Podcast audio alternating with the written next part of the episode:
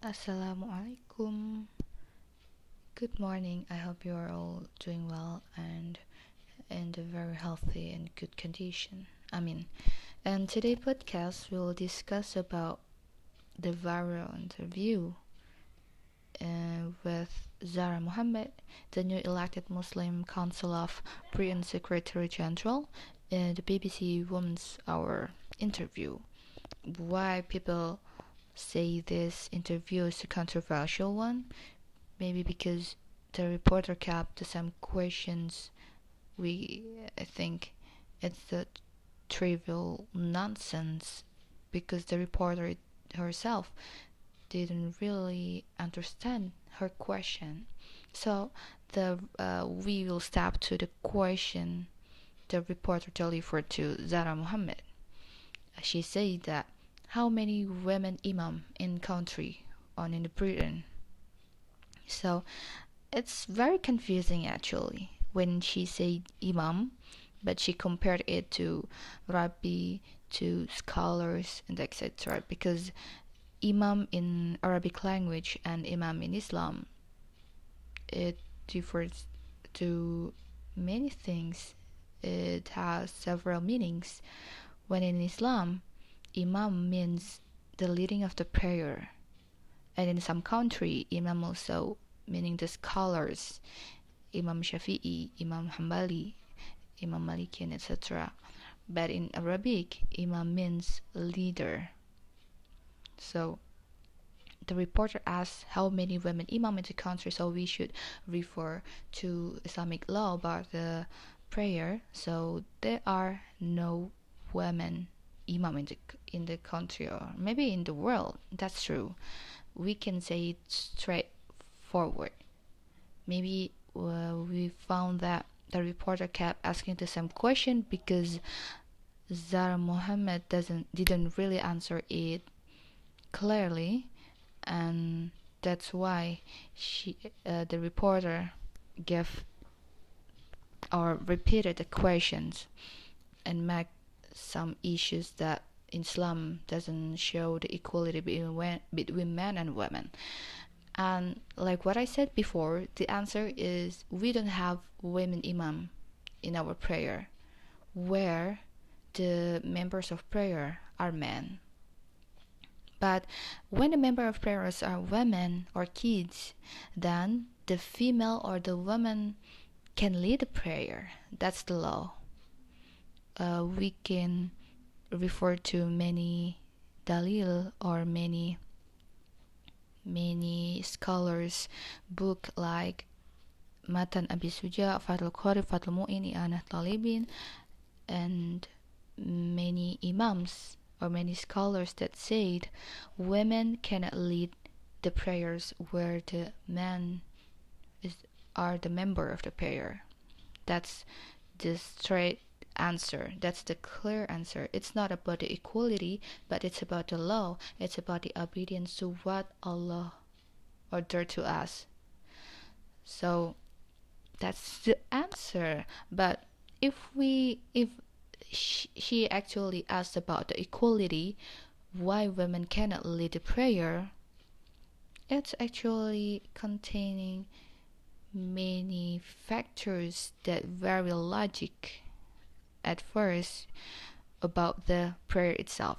The prayer in Islam requires wudu, or the routine or the act of purification by washing some parts of our body, like washing our hands, our palm, our face, our hands, and etc.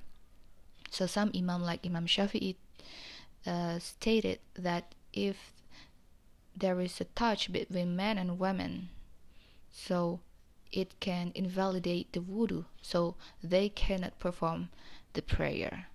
So if we place that women in front of the men to lead the prayer, so it, the space between them will become narrow, so the chance of them being touch each other is bigger.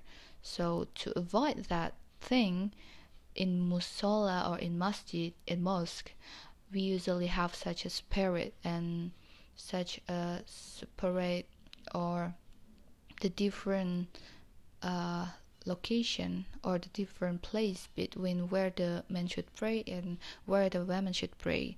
So, uh, in the regular basis, the main place is located in the front and the women in the back. And some have say that left and right, etc. But it should be separated to avoid that thing, to avoid being touched in each other, and to make us focus to face our God, not to look to other to other person with the different gender maybe because we know that when men and women they have they have such a nature to look each, to look at each other because of some interesting sense and etc or any other things. That's the first. And the second it's because the women can have such a special period and we say it menstruating women.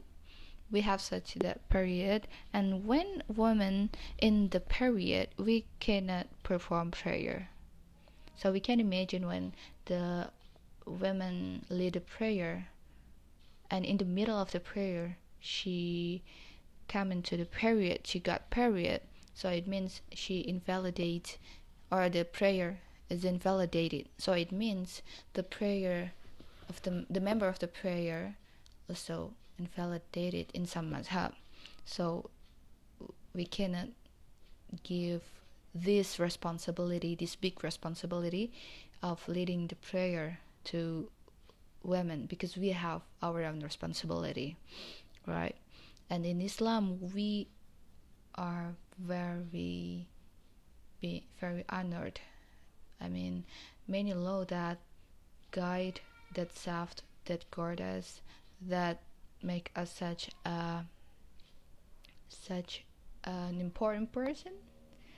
I forgot what the fuck i'm sorry the noble person. I mean, because uh, in Islam it is al ummu madrasatul ula, or mother, women are the first school of the all human being.